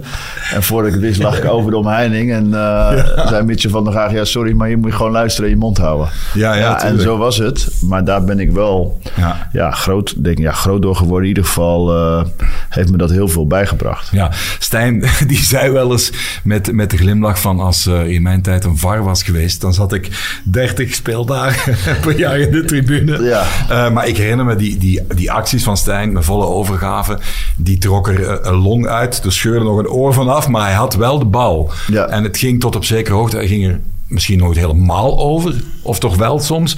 Hoe keek je naar zoveel geweld op het veld? In goede zin. Nou, dat is eigenlijk wat wij allemaal een beetje hadden. Hè? Dus Stijn was een verpersoonlijking van datgene wat uh, de ploeg van Utrecht op dat moment uitstraalde. Maar wij waren allemaal, zeg maar, uh, ja, we speelden met het mes tussen de tanden. En wij ja. wisten dat we ergens als we van ploegen als Ajax of PSV, die we vaak versloegen in de Galgenwaard, wilden winnen, dan hadden we meer nodig uh, dan onze voetbalkwaliteiten. En dat was eigenlijk onze grootste kwaliteit. De wil om ten koste van alles, misschien zelfs een beetje meer dan werd toegelaten, te winnen. En hij nam veel spelers zoals ik, destijds een jonge jongen, daarin mee. Maar Pascal Bosgaard is mijn leeftijd, was ook een jonge jongen. Ja, en wij gingen, wij gingen daarin mee. En als je daarin niet mee ging, ja, dan viel je af. Dus er was ook geen uh, andere keuze. En gebeurde dat dan op training ook? Uh... Bloed ja, aan de paal. Ja, ja, ja, Nee, we hebben op training uh, heel veel vechtpartijen meegemaakt. Maar toen kon dat ook allemaal nog. Nu staan er uh, jongens zoals Luther langs de zijlijn foto's te maken en filmpjes.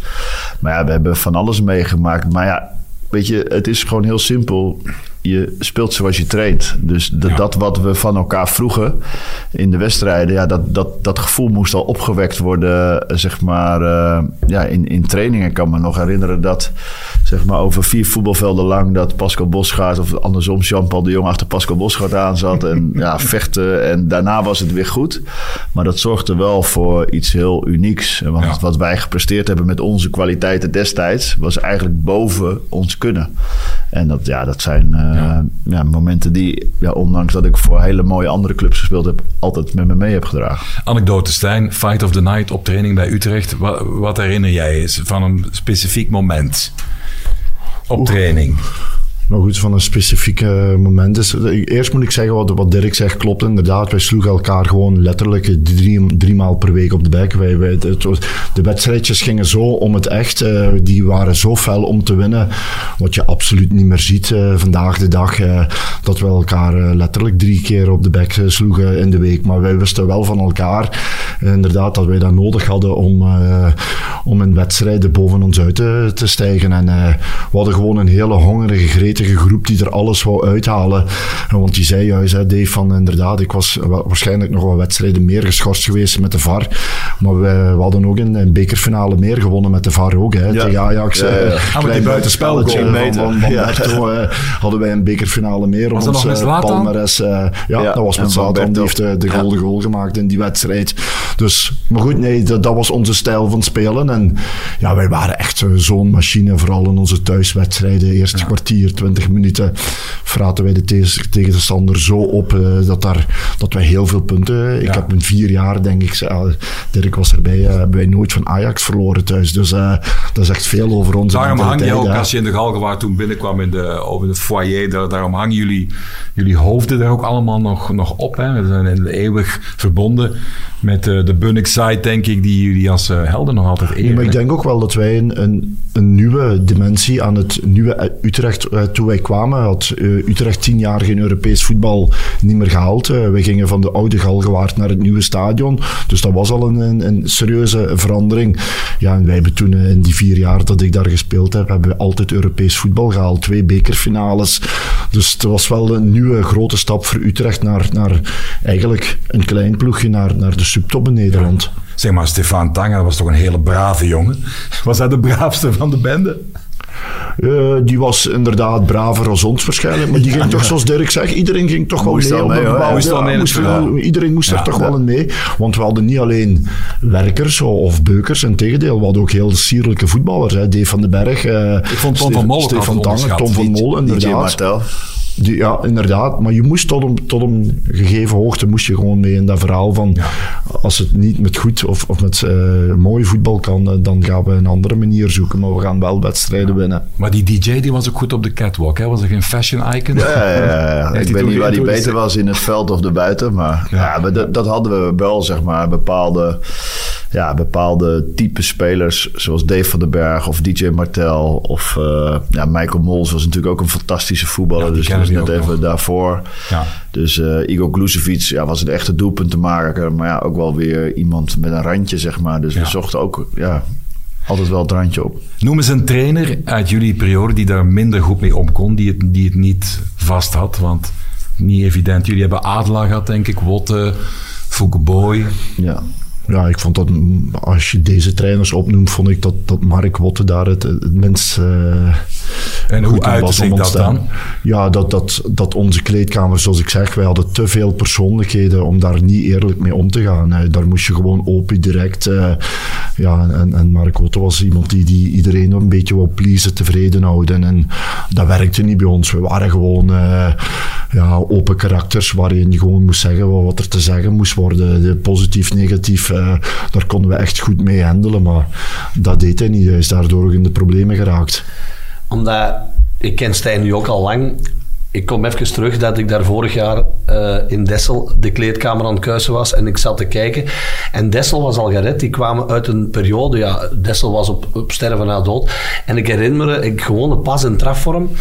En ik denk de tweede of de laatste, misschien zelfs de laatste training, dat jij tegen een speler zei, ja, als je het niet beter doet, heb ik liever dat je binnen gaat.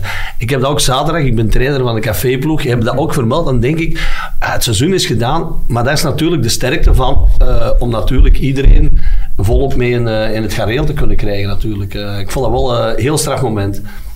Ja, ik vind ook als je op het veld staat, moet je ook proberen beter te worden. Hè. En, nogmaals, zoals wij dat toen gedaan hebben, die tijd ook. Ik ben tegen mijn limieten van, uh, van wat ik in mij had, intrinsieke kwaliteit, aangelopen. Ik heb dan daar nog een stap gemaakt naar Duitsland. Maar als je dan ziet hoe Dirk die blijven groeien is met die topclubs, Liverpool, Nederlands elftal, ja, dan zijn er ook spelers die gewoon blijven doorgroeien. En daar heb ik wel bewondering voor. Maar Dirk, Stijn heeft wel Miroslav Klose leren afwerken op doel. Komt van Stijn, die kunnen. Dat had ik nog niet gehoord. Weet je nou niet? Ja, maar dat gaat natuurlijk Dan moet je dat verhaal eens vertellen. Mooi verhaal, mooi verhaal. Ze zijn op training, een afwerkingsoefening. En Klose die trapt geen deuk in een pak boter, denk ik. En Stijn knalt alles binnen. Ja, het was een afwerkvorm met, met z'n tweeën. En ik was uh, toevallig met Miroslav. En ik schoot inderdaad... Uh, was afwerken op voorzetten. De ene bal naar de andere binnen. Hij schoot geen uh, doel en geen doel, maakte geen doelpunt. En op een gegeven moment wou ik hem natuurlijk een beetje uh, tergen met te zeggen van hey, uh, hey, hoeveel goals heb je al gemaakt man? En ik zie er de ene en toen zei hij, ja, dat is waar, ik, ik heb er weinig gemaakt vandaag. Maar toen zei het, uh, Stijn, ik heb vorige WK er, ik weet niet meer wat hij zei, zes of zeven gemaakt. En jij? ja, toen besefte ik van waar ik kwam, uh, terug even dat dagje. Ja, ja. ja, ja. Wie, wie zijn voor jou trainers, uh, ja, Benitez, Van Marwijk, Van Basten, noem het allemaal op. Wie heeft jou denk je vandaag het meest beïnvloed in wie je nu bent als trainer? Ja, zeg maar, Van Marwijk was degene die zeg maar, mij geleerd heeft hoe belangrijk vertrouwen is. Dus uh, bij Feyenoord kwam ik binnen uh, als een jongen waarvan iedereen zoiets had van... nou, kan hij dat niveau wel aan? Maar hij was de trainer die bij de eerste dag zei van... luister, jij gaat bij mij spelen. Ik weet nog niet op welke positie, maar jij gaat gewoon spelen. Dus dat, dat deed heel veel met mij. En dat vertrouwen, ja, dat gebruik ik vandaag de dag nog naar mijn eigen spelers... om, om zoveel mogelijk vertrouwen aan spelers te geven.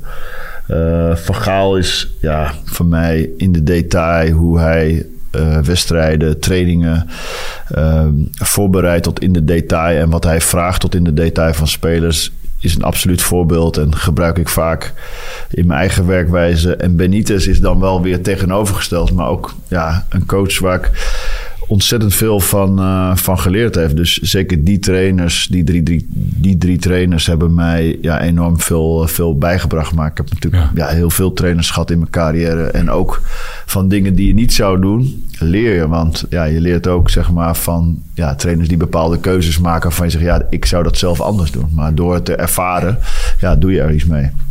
Ga je in je vrije tijd momenteel wel eens een spa rood drinken met de heer Van Bommel, jouw uh, collega ex-Oranje uh, man aan de andere kant van de stad? Ik ben niet zo van de spa rood, maar überhaupt niet van rood. Maar, uh, of een spa paars. Ja.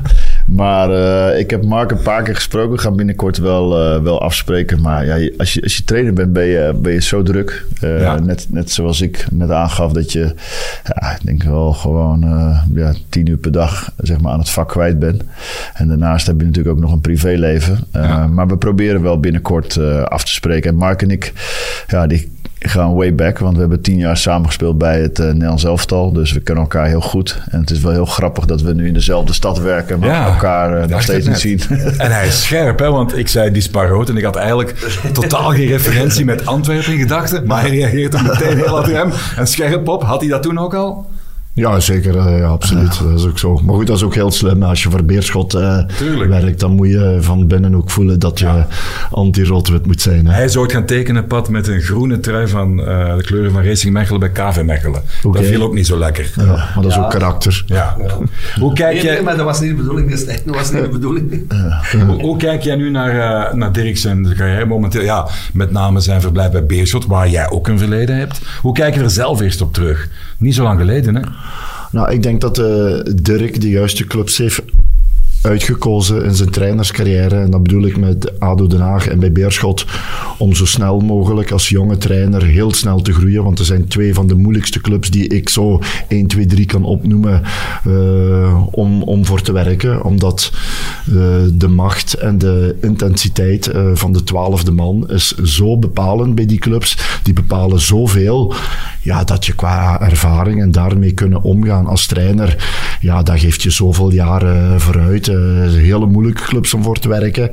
Want zij bepalen heel veel de richting, uh, de, de, de sfeer, het enthousiasme waar de club mee naartoe gaat. Zowel bij Den Haag als bij Beerschot, denk ik. En als je daar goed doorkomt, met al die leermomenten, ja, dan, dan, dan word je heel snel, snel er een ervaringrijker als coach. Ja. ja, hij stond hier op, op een halve centimeter van de promotie, promotiefinales in deze reeks. Ja. En dan last minute KV Mechelen, denk ik. Ja. Temon. Zonder uh, shot. Ongelooflijk, hè? Ja.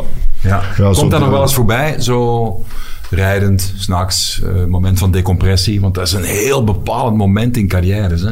Ja, dat is absoluut. Als je dan het verhaal kijkt, ik met Beerschot het volgende seizoen, verwachtingen opnieuw heel, heel groot en dan valt het tegen.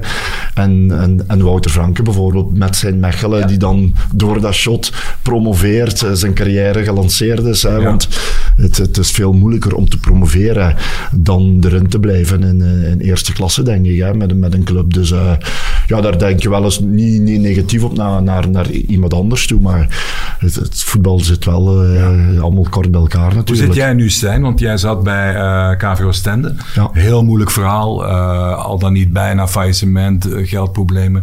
De investeerder die, die moeilijk deed. Hoe zit jij nu? Contacten, speelt er iets? Nee, ik ga ook weer gewoon wachten. En dan moet je als coach ja, om te kijken wat Ja. er weer eh, op mij afkomt. eh. Maar ik zou ondertussen, ik heb toch al wel veel meegemaakt eh, qua clubs. eh eh, Lokeren, Oostende, wel eens een, een stabiele club. Wel eens, zou wel eens een leuk gevoel zijn. Hè. Een club waar gewoon een gezonde ambitie is.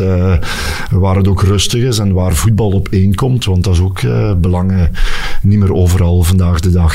Ja, Eh, jij zat ook in, in Slowakije bij, bij Ja. die club van Tjöleling. Ja, klopt. Ken je die trends in? Ook in Ja, eh, zeker. wat, zeker. eh, Feyenoord heeft nog niet zo lang geleden tegen ze gespeeld. Ja. En een interessante club. Ehm volg ze niet op de voet. Eh, Maar uh, Ling is natuurlijk wel een bekende eh, Ook een naam. legend. Ja, een legend, ja. ja. Eh, heren allebei, eh, trainer zijn, eh, veel mensen noemen het ook een gekke job. Gewoon roofbouw op je eigen eh, lichaam. Heel stresserend. Terwijl, ja, je zou ook gewoon een viswinkel kunnen hebben. Hè? Want daar was jij ooit voor voorbestemd. Van thuis Nee, uit, eh, eh, las ik. Mijn vader was een vissersman, dus mijn vader zat op de zee. En eh, nou ja, mijn, een van mijn ambities toen ik jong was, was ook om de zee op te gaan. Alleen mijn vader heeft een hele goede tip gegeven dat beter niet te doen. Nee. En ja, om terug te komen op het trainersvak. Kijk, ik ben gelukkig in een situatie waarin ik financieel geen zorg heb. Dus ik, dat betekent dat ik gewoon dingen kan doen die ik leuk vind.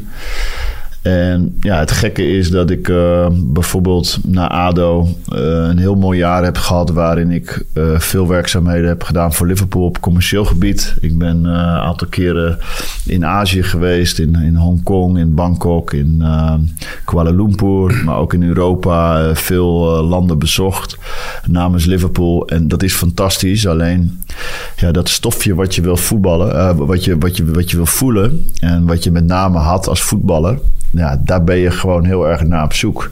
En die drive om met een team van spelers en staf een bepaald succes te halen. Dus dat gevoel van in de play-offs kunnen winnen van Mechelen in de allerlaatste minuut. En dat lukt niet. En dan toch weer doorgaan om het op een ander moment weer wel te krijgen. Ja, dat vind ik het allermooiste in het leven. Dus daarom ben ik trainer geworden. Omdat ik denk ja, dat ik wat kan betekenen in het voetbal. En ik heel vaak dat moment wil voelen. En ja, of dat komt, dat weet je niet. Maar daar werk je elke dag keihard voor.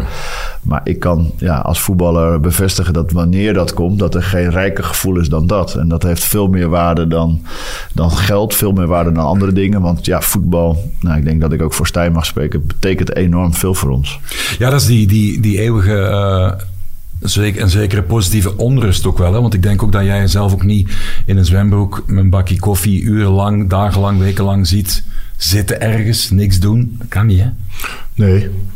En Dirk verwoordt het heel goed. Hè. Het, eh, wat, wat wij intrinsiek voelen als, als coaches, denk ik, en dat moet je ook hebben, is een heel groot sportief ego. Hè, om samen met een groep, een club, iets te bereiken wat, wat eh, velen niet, niet voorspellen. Of wat, wat eh, misschien nog beter is dan, dan men voorspeld had. Maar we moeten wel eerlijk zijn, eh, het, het is wel moeilijk geworden. Hè. Wij zijn het enigste bedrijf ter wereld waar het, als het niet goed is, maar één eh, man eh, de schuld krijgen. Hè. En dat is de coach. Hè. Dat is geen enkel ander bedrijf, is dat niet. Dus eh, die druk, eh, dat wordt wel moeilijk. Hè. Social media komt erbij. eh, elke supporter heeft een stem en, en een hele machtige stem. Hè. Als er, ik denk vandaag de dag, als er honderd eh, supporters willen dat de coach buiten vliegt, dan, dan gaat hij op termijn buiten vliegen. Dus die macht is zo groot geworden. Die druk is ook moeilijk geworden. Maar het, is, het, is, het leuke daarin is, is inderdaad de romantische kant die Dirk eh, beschrijft. Daar doe je het nog voor. Hè, voor dat ene moment, dat eerste seizoen, er alles uithalen. eh, wat erin zit, dat die bal eh, net binnenkant eh, paal valt. En dat je het succes hebt wat de club eh, en jezelf en je spelers eh, willen en verdienen. Ja. Even terug. Ik had eh, in de geruchtenmolen gehoord dat eh, ook Stijn Vreven kandidaat was bij Hasselt. Om even terug te komen. Als je ziet, die een trainer die staat op kop. Ja. En die wordt ontslagen. Hè. Dus, Ja. eh, Misschien even toelichten. Kan jij het even toelichten voor, voor Dirk het verhaal? Dus er is een, eh, twee eh, bekende heren, een acteur onder andere en zo. Die hebben een amateurclub onderhand. Ken je het verhaal? Ik ken het Ah, verhaal kent van ja. Hasselt, ja. Ja. Is daar, is, er- is daar contact eh, geweest of niet? nee. Of, eh, nee. Nee, maar het is wel wat wat Pat, eh, Pat zegt. eh, het is ongelooflijk in het voetbal dat, dat dat kan vandaag de dag. Je kan eerste staan en dat het nog niet goed genoeg is qua perceptie of qua persoonlijkheid of eh, dat de supporters iets, iets anders willen. Dat, dat is echt bizar. Het gaat Ja. niet alleen nog maar om resultaten. Het gaat ook een heel groot stuk om perceptie. Hoe word je neergezet? hoe kom je over naar anderen? Ja, eh, en, en de lat wordt ongelooflijk hoog gelegd. Hij zei net van, eh je hebt altijd jezelf in, volgens zijn, eh, door zijn ogen aangepast aan een nieuw niveau. Telkens jezelf ook eh, sterker gemaakt. Waar de mensen misschien vooraf dachten, naar Feyenoord, dat kan hij niet. En je, dan, je bewijst het dan Ja. toch weer. Is dat jouw ultieme drive een beetje? Het altijd zo van, kijk maar jongens, ik zal het toch wel even doen. Nou, niet even, maar ja, in mijn voetbalcarrière heb ik ja, vaak mezelf moeten bewijzen. En, en dat is eigenlijk wat Stijn net zegt, wat je ook naar toe, op zoek bent als, als trainer, dat je iets wil presteren. En dat is, dat, dat is iets wat mensen niet van je verwachten. Dat is eigenlijk het allermooiste, zoals we dat destijds met Utrecht hebben gedaan. Ehm, en ja, zoals dat bijvoorbeeld ook gelukt is in mijn allerlaatste wedstrijd bij Feyenoord... dat je kampioen wordt voor het eerst sinds 18 jaar. Dat, dat zijn nu momenten, ja, dat zijn eh, key moments in je, in je leven. Ja, en ja, ik denk dat dat mijn kracht is. Dat ik zeg maar heel goed me kan aanpassen aan het niveau. En ja, bedoel niet verkeerd, maar goed, als je gewend bent om bij Liverpool rond te lopen of bij Feyenoord rond te lopen en je moet terugschakelen naar ADO Den Haag en je bent trainer en je zit in een bouwkeet, hè, of je ja, je, je moet zeg maar terugschakelen naar eh Beerschot. Dat mensen me ook wel eens vragen, maar hoe doe je dat dan? Ja, ik denk dat ik me heel goed kan aanpassen aan niveau. En ik kijk niet naar luxe of naar bepaalde dingen. Ik kijk naar mogelijkheden. Maar Kijk, komt dat door het feit dat je jezelf telkens opnieuw moest bewijzen... en dat er vaak wel twijfel was? Nou, ik denk dat het gewoon meer komt... eh, ja, de manier hoe ik ben opgevoed door mijn ouders. Van, kijk, mijn vader was eh, visserman en die moest met zijn veertiende de zee op. En die moest gewoon heel hard werken om zijn gezin te kunnen onderhouden. En eigenlijk heb ik precies hetzelfde gedaan als voetballer. Ik heb gewoon heel hard gewerkt. Eh, in eerste instantie, je probeert je gezin te onderhouden. Maar later wil je gewoon ja, door hard werken succes bereiken. En Ja. ik weet gewoon dat alles begint bij hard werken. Je kan alle talent hebben van de wereld. En ik heb het meegemaakt als jonge jongen... dat ik Nederland zelf onder de 15 speelde... dat, er, dat ik afviel zeg maar, bij een lijst van 64 spelers... die beter als mij waren. En tien jaar later heb ik van die 64 namen nooit iemand teruggezien... terwijl ze in talent vele malen beter waren dan Ja. ik. En dat is voor mij de absolute drijfveer. Dat je, als je beter wil zijn dan iemand, moet je net iets harder werken dan diegene. En als je dat kan opbrengen met elkaar als team, en dat probeer ik nu ook bij Beerschot aan te geven, als wij harder werken dan onze concurrenten, dan is de kans op succes vele malen groter. Ja. En dat heeft niks te maken met talent. Maar door jouw carrière ben je in zekere zin een, een hoge boom. En ze zeggen hoge bomen vangen heel veel wind. Wat is eh, van, eh, van in Holland misschien de gunfactor naar, naar Kuit? Mensen zitten met een vergrootglas op. Hè? Eh, weinig op dit moment. Als we, als we naar de media kijken, dan... eh, ja, kijk, ik heb als voetballer altijd de wind in de rug gehad. Eh, vanaf het moment dat ik bij Utrecht kwam, heb ik heel veel positieve media gehad. Alt, ook altijd wel de kritieken van eh, onze vriend Johan Derksen. Die Ja. eh, had ook nog wel eens met Stijn eh, wat, geloof ik, back in the days. Gangster op noppen of Maar wat dat zeiden is, ze? dat is iets Nederlands. Maar ja, ik, ik, ik heb wat tikken gehad, laat ik het zo zeggen. Ehm, maar aan de andere kant krijg ik wel heel veel respect en waardering van de mensen om me heen. De mensen op straat, de fans van Feyenoord of van Utrecht waar ik ook ben. Ik word altijd met heel veel respect en waardering door de clubs ook ontvangen. Maar ja, in de media is het allemaal gewoon wat minder. En daarom vind ik het ook heel fijn dat ik nu hier ben. En dat ik op een bepaalde manier voor mezelf in de luwte kan komen. Eh, voor zover je dat kan. Want je bent trainer van Beerschot en iedereen vindt daar ook weer iets van. Maar ik ben wel blij dat ik, eh, ja, dat ik nu hier ben en niet in het Nederlands. Omdat dat daar de schijnwerpers op een andere manier op mij gericht zijn.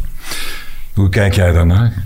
Naar zo België, Holland, gunfactor. Jij bent ook iemand die, ja, je, je houdt van Stijn Vreven of je haat hem, hè? Eh, ja. Er is geen middenweg, hè? Nee, nee. Ik zeg ja, perceptie is, is daar toch heel, heel belangrijk in. Hè.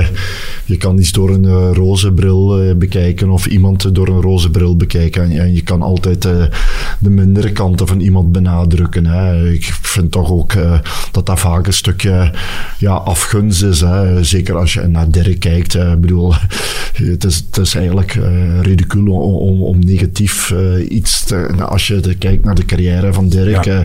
de mens dat hij is, van waar hij komt, wat hij bereikt heeft, ja, dan kan je bijna niet anders als nuchtere mens zeggen dat als er kritiek uh, komt uh, en, en, het is iets anders, puur op een resultaat gericht. Hè. Dat, dat, dat telt voor iedereen en voor elke coach, speler moet je presteren of je krijgt kritiek.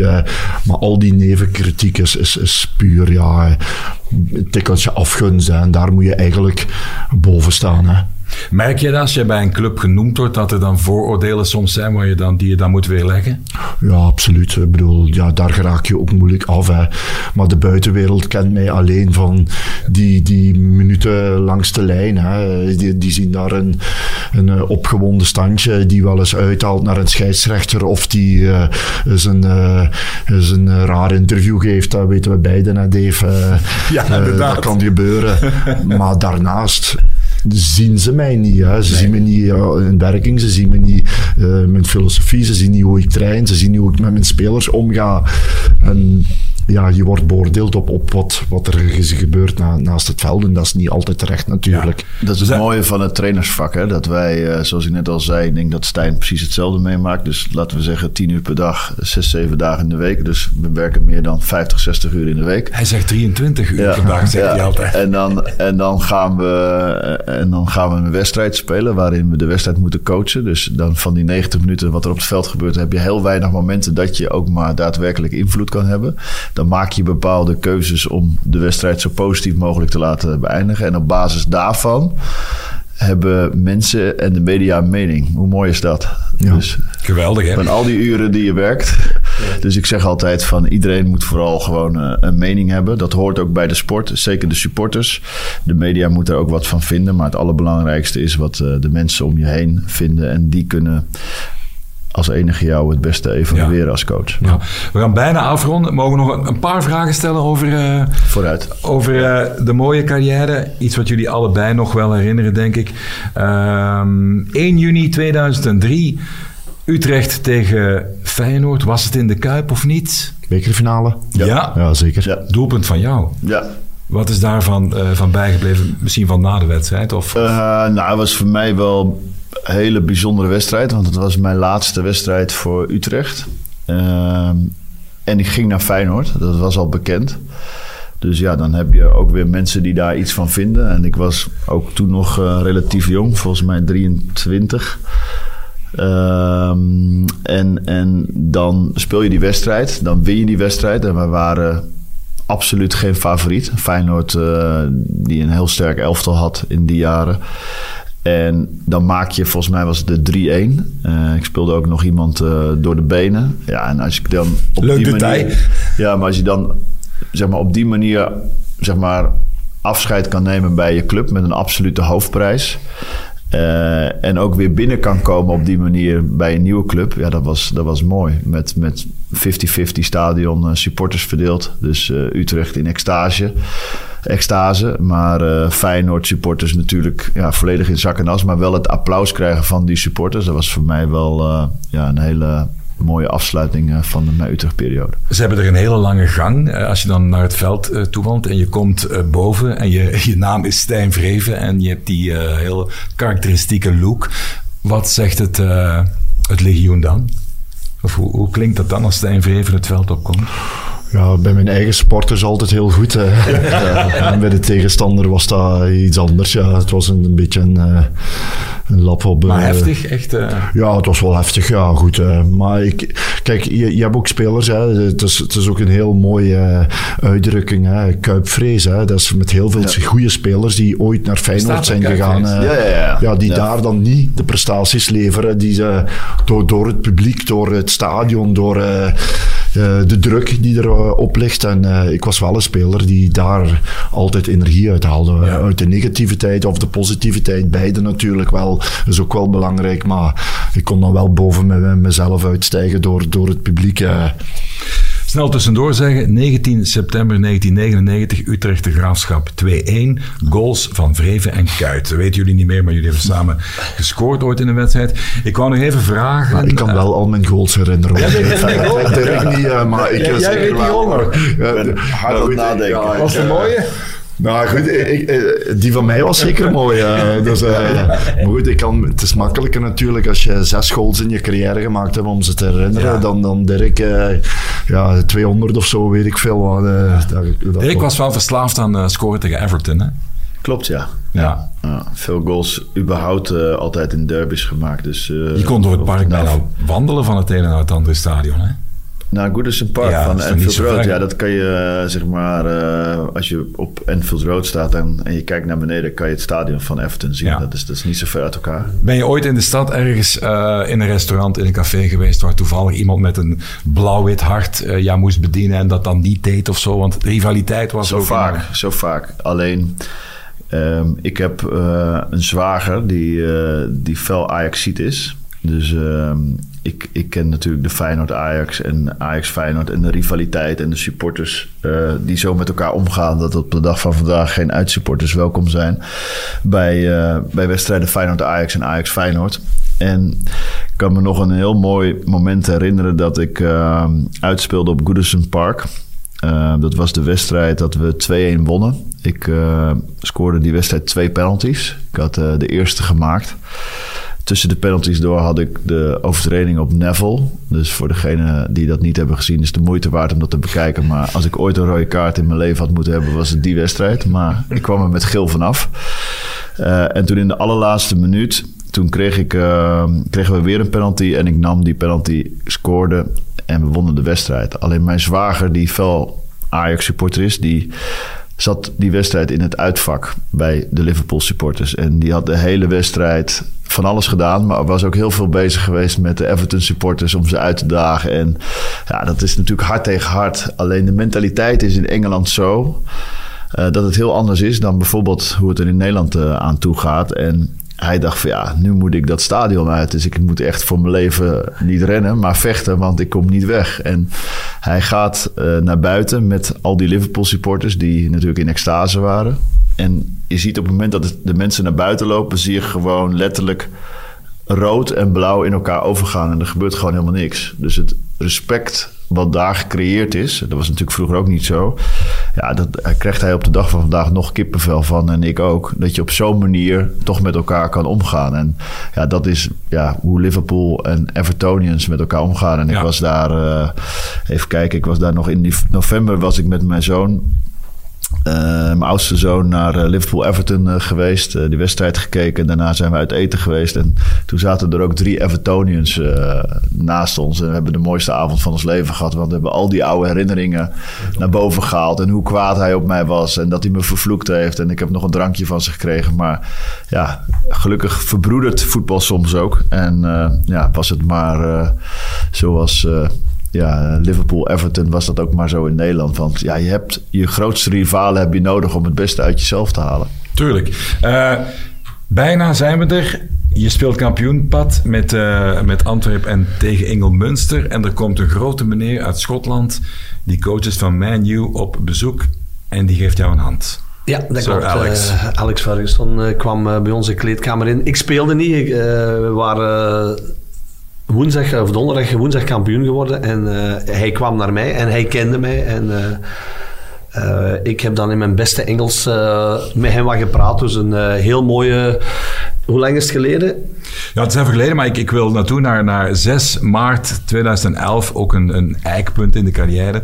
Hattrick tegen Giggs, Scholes, Rooney, Nani.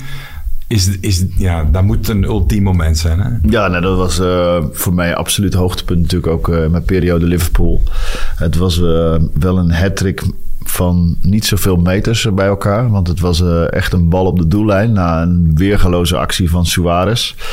Uh, daarna een kopbal van denk ik 2, 3 meter. Net iets, ja, net iets binnen of buiten de 5 meter gebied. Um, en als laatste, ja, en dat was ook wel mooi dat ik tegen mijn vriend Edwin van der Sar, die in hetzelfde dorp woont als ik, um, ja, dat, dat Suarez een vrij trap nam. En ik liep altijd door op de keeper. Zo scoorde ik altijd wel twee of drie of vier goals per jaar. En die tellen ook gewoon voor één.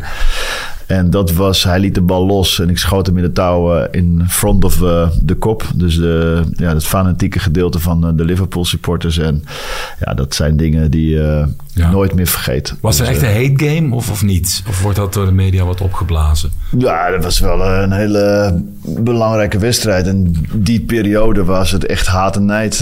en nog ja. steeds. En dat gaat, dat, dat die, ja, die duels die lopen altijd hoog op. En er staat gewoon enorm veel op het spel. We gaan eindigen zoals we begonnen zijn, uh, Dirk. En ik had jou voor de podcast had ik het over uh, een. Ik hou enorm van cultvoetballers die, die niemand kent. Ja. En er was een uh, jonge man die speelde bij, ik denk AZ en Ajax in de jeugd. Dan een hele lange blessure gehad. En dan speelde hij voor Haarlem, Volendam, Cambuur. En kwam dan in Lommel terecht. En speelde er iets van een 93 wedstrijden, denk ik. En scoorde meer dan 60 goals. En was echt een sensatie op dit niveau. En hij heet Jeroen Ketting. Ja. Heb jij er ooit van gehoord? Ja, ja, ja. Meen je het? Ja, ja, zeker. Ja, nee, Want hij speelde ben... bij Quick Boys. Ja. Hij ook. Ik, uh, Jeroen Ketting is een, is, is, is een van mijn favoriete voetballers aller Ja. tijden. Ah, ik dacht dat ik ja. wel was. Ja, maar na, na, na jou. Nee, maar ik ben natuurlijk... Ken je ook, eh, hè, Jeroen Ketting? zeker, zeker. Bij Quick Boys ben ik, uh, ben ik opgegroeid. En uh, dus ja, ik, ik ken alle spelers die daar spelen. Dus ik heb Ja. er nog steeds wel uh, nauw contact mee. Ja. En die Volgens mij ook- zijn het de broertjesketting ook. uh, en is hij ook nog van mij leeftijd een beetje. Dus bij Ajax waren zij echt hele grote talenten. Ja. Ergens denk ik iets misgegaan. Want volgens mij waren de verwachtingen best hoog ook van hem. Maar mooi dat hij in België een cultheld is geworden. Ja, en is die tribune er nog? De Dirk Kuyt tribune? Ja, nou ja, dat is het verhaal van, um, van Liverpool. Kijk, ik heb zeg maar van mijn vijfde jaar tot mijn achttiende jaar bij Quick Boys gespeeld. En ik ging uh, destijds voor 18, bijna 19 miljoen euro naar uh, Liverpool. En het is heden zo dat je een, paal, een bepaald gedeelte van de transfersom zeg maar, uh, aan de opleidingsclub moet geven. En normaal gesproken ja, gaan talenten al heel jong bij Feyenoord, Ajax en PSV spelen. Tenminste, zoals het in Nederland. Maar ik heb mijn hele jeugdopleiding bij amateurs gespeeld. Dus uh, dat bedrag dat, uh, was volgens mij bij elkaar bijna een half miljoen wat de club kreeg. En daarvan hebben ze een, een tribune kunnen bouwen. Dus, maar jij uh, kon ze niet openen, want jij moest werken. Ja, ja, ja, ja. zoals zo vaker. Ja, ongelooflijk. Heren, ik ga jullie uh, hartelijk bedanken. Stijn, Ja. ik wens jou snel een nieuwe, nieuwe club toe. Ja. Dankjewel, Dat Dave. komt wel in orde, denk ik, hè, Pat? Heb jij, Pat, uh, suggesties? Ja, er zijn wel... Al eh, jouw connecties? Ja, eh, ik denk dat je Waregem, eh, dat daar een trainer... Nee, nee, die eh, zit nog goed, hè? Die zit goed? Ja, er, eh, Goeie coach, goeie coach. Ja, dat is een goede coach. Maar als je de supporters gaat uitdagen, dan... eh, Ja, dat komt wel goed. ja, Tuurlijk. ik denk dat Stijn, ik, eh, ik ken hem ook al lang. eh, ik denk dat hij zeker aan de oppervlakte komt. En eh, ja, het is zo, als je zegt, je moet aan de, op, is op, op de juiste ploeg. Want ja, normaal had jij vorig jaar trainer bij Belicia geweest. En je hebt dan voor Oostende gekozen. Ja. En ja, eh, maar ik denk dat vroeg of laat die goede ploeg wel gaat komen. Want uh, Stijn is gewoon een toptrainer. Ja, laatste vraag, ultieme vraag. Nooit een blessure aan je kuit gehad? Nee. Ongelooflijk. Dankjewel, Dirk Kuyt. Het gaat je bijzonder goed. Ja, dankjewel.